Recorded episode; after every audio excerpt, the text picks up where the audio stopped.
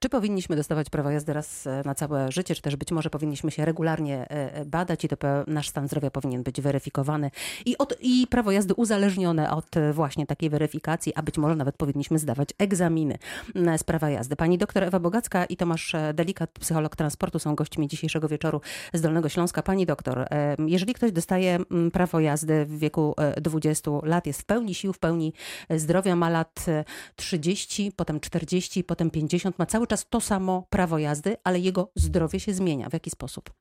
To znaczy, powiem o fizjologii, która jest zbadana, jeżeli w 50 roku życia, między 50 a 60, y, połowa ludzi zaczyna mieć tak zwane minimal, y, y, minimal mental impairment, mhm. czyli mal, malutkie zaburzenia. One są takie śmieszne, typu, no wiesz, znam tą panią, albo Ale tam, nie pamiętam jej nazwiska. No właśnie, prawda? Albo cholera, gdzie ja to zostawiam mhm. i tak dalej. I proszę Państwa, jeżeli coś takiego się zaczyna w połowie populacji, mhm. z której potem ciąg, co 10 lat wyłania się kolejna ilość osób z Alzheimerem.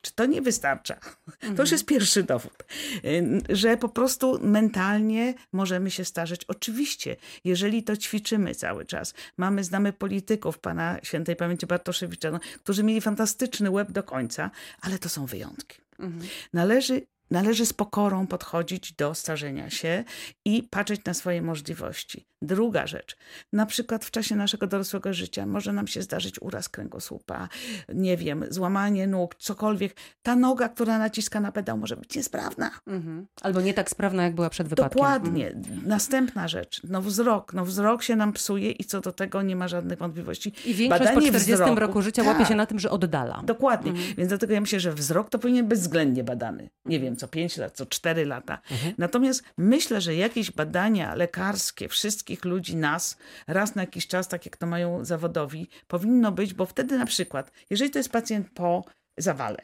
to wiadomo, że mhm. on już będzie mógł mieć problemy. On powinien być częściej badany. Jeżeli jest to pacjent leczony psychiatrycznie, to też powinien być częściej badany, dlatego że no, leki niektóre powodują zwolniony refleks. Jeżeli jest to pacjent, który jest po na przykład y, ciężkich, y, ciężkich właśnie wypadkach drogowych i ledwo chodzi, mhm.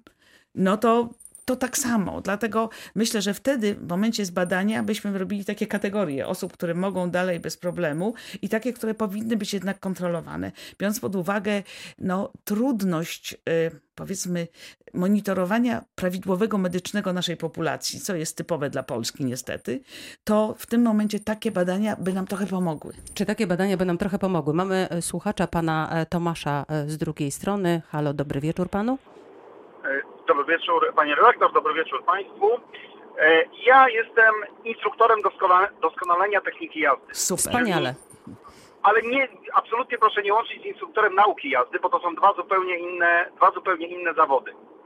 E, I oczywiście to, co przed chwilą powiedziała Pani Profesor, jest bardzo ważną rzeczą, że to nie tylko starsze osoby, ale również osoby w młodszym wieku mogą ulec wypadkom, mogą być niezdolne do prowadzenia samochodu. I tu chyba bardzo ważną rzeczą jest też to, żebyśmy potrafili w odpowiedni sposób też podejść do siebie, do swojego organizmu i w pewnym momencie powiedzieć sobie po prostu dość. Pewnych rzeczy już nie mogę wykonywać, nie potrafię prowadzić. I takiej podstawy musimy się po prostu nauczyć. Zgadzam się absolutnie. Mhm. Żadne badania, żadne badania nas do tego nie zmuszą, bo zawsze znajdzie się jaka, jakaś furtka, jakieś wyjście i jakieś kombinowanie. Ja muszę pana jeszcze dopytać, e, czym się różni bycie instruktorem e, nauki jazdy od e, instruktorem doskonalenia zawodowego, żeby to doprecyzować, gdyby pan mógł w, w dwóch słowach. Instruktor, instruktor doskonalenia techniki jazdy. E, różnica jest taka, że instruktor nauki jazdy może mieć kursanta, który nie ma prawa jazdy, mhm. ale musi być w nim w samochodzie. Natomiast ja mam uprawnienia do tego, że mogę, mogę tylko i wyłącznie doskonalić technikę jazdy u osób, które mają prawo jazdy, ale nie muszę być wtedy w samochodzie. Korzystamy wtedy bardzo często z różnego rodzaju mat poślizgowych, miejsc, gdzie można w bezpieczny sposób prowadzić samochód w poślizg nadsterowny, podsterowny i nauczyć kierowców właśnie jak w tych momentach się zachowywać. To jeszcze dopytam pana o jedną rzecz. Skoro jest pan Proszę osobą, która e, doskonali e, e, umiejętności kierowców, jakie jest pana osobiste zdanie wynikające oczywiście z zawodowego doświadczenia na temat tego, czy być może my wszyscy nie powinniśmy doskonalić swoich umiejętności pod okiem eksperta raz na jakiś czas? Właśnie to jest klucz całej sprawy, że moim zdaniem edukacja komunikacyjna w Polsce jest na bardzo niskim poziomie. Oklaski.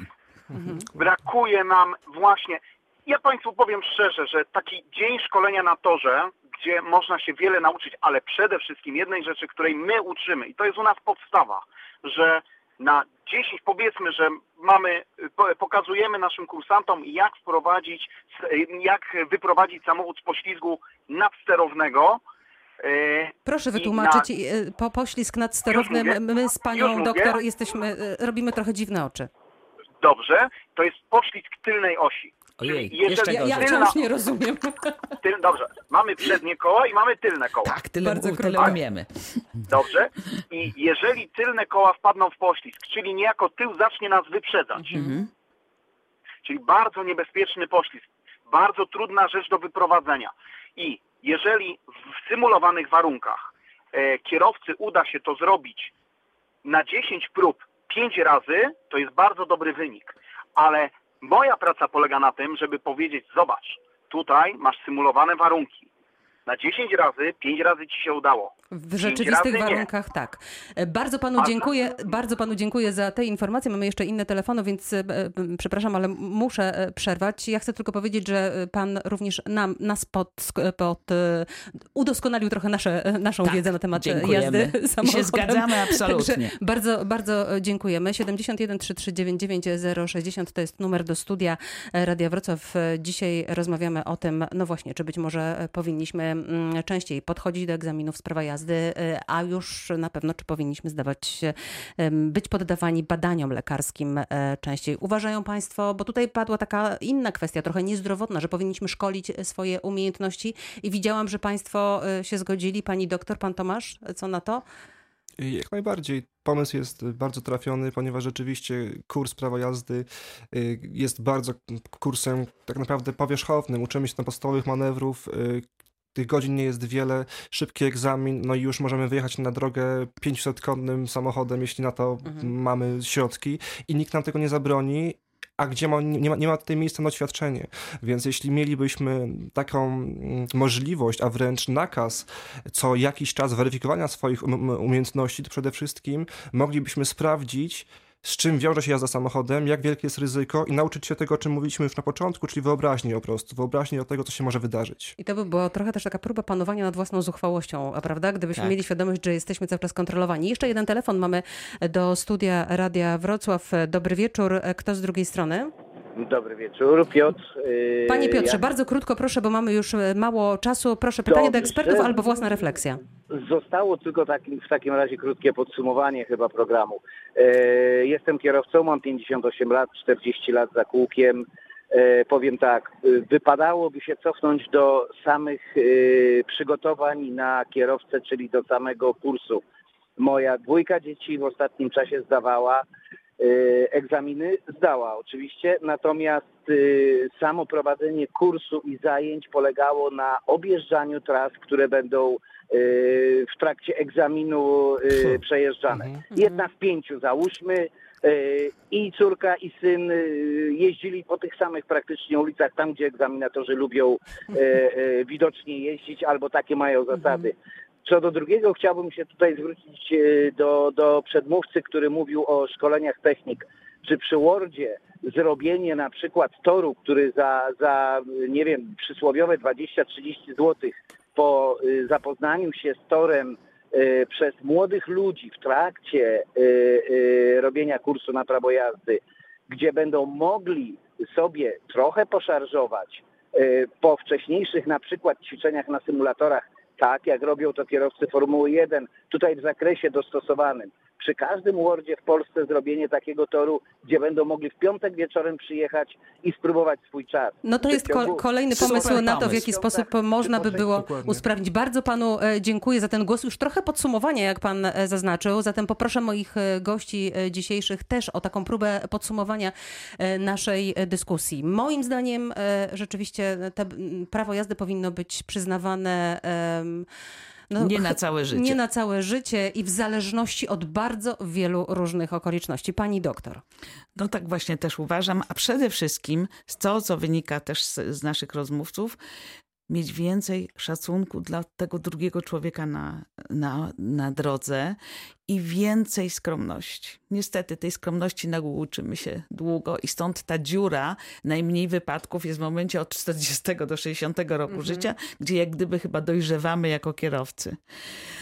No tu chyba jest duże zadanie właśnie do psychologów, gdzie po prostu ten początek z, tym, z tą y, psychiką ryzykancką, tym, tak, taką y, graniczącą, prawda, z ciekawością doznań zbyt intensywnych.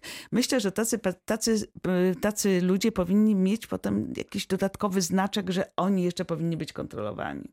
Psycholog został wywołany do tablicy. Mogę się podpisać tutaj pod tym, co powiedziała pani doktor, bo rzeczywiście wydaje mi się, że podczas tej audycji udało nam się wypracować taki racjonalny model tego, co można by było zrobić, czyli rzeczywiście e, w momencie, kiedy zdajemy prawo jazdy po raz pierwszy na kategorię B, czyli tak jak wszyscy, prosty krótki test osobowościowy, grube sito, gdzie znajdujemy osoby, które gdzieś tam mogą stanowić większe ryzyko, które potem albo byśmy doszkalali bardziej, albo byśmy bardziej badali, a następnie po 60 roku życia dla wszystkich, niezależnie od tego, jaki mają staż za kółkiem, czy też jaki mają staż mandatowy, po prostu badanie medyczne, krótkie badanie psychologiczne, w zależności od wyniku przyznajemy albo możemy jeździć dalej, albo nie. I to się wydaje takie proste, racjonalne i do zrobienia przede wszystkim, do zrobienia. Do zrobienia pytanie, czy do zrealizowania to już chyba jest na inny To jest program. poza nami, To, ale... I to jest na inny program Ale zdecydowanie. idzie do ludzi i im więcej osób będzie tak myślało, to może gdzieś to się wyżej przebije. Jasne. Bardzo dziękuję za dzisiejsze spotkanie. To powiedziała doktor Ewa Bogacka.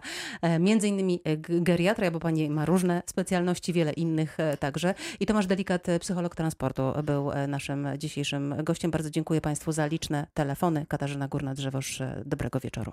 Dobranoc. Dobranoc.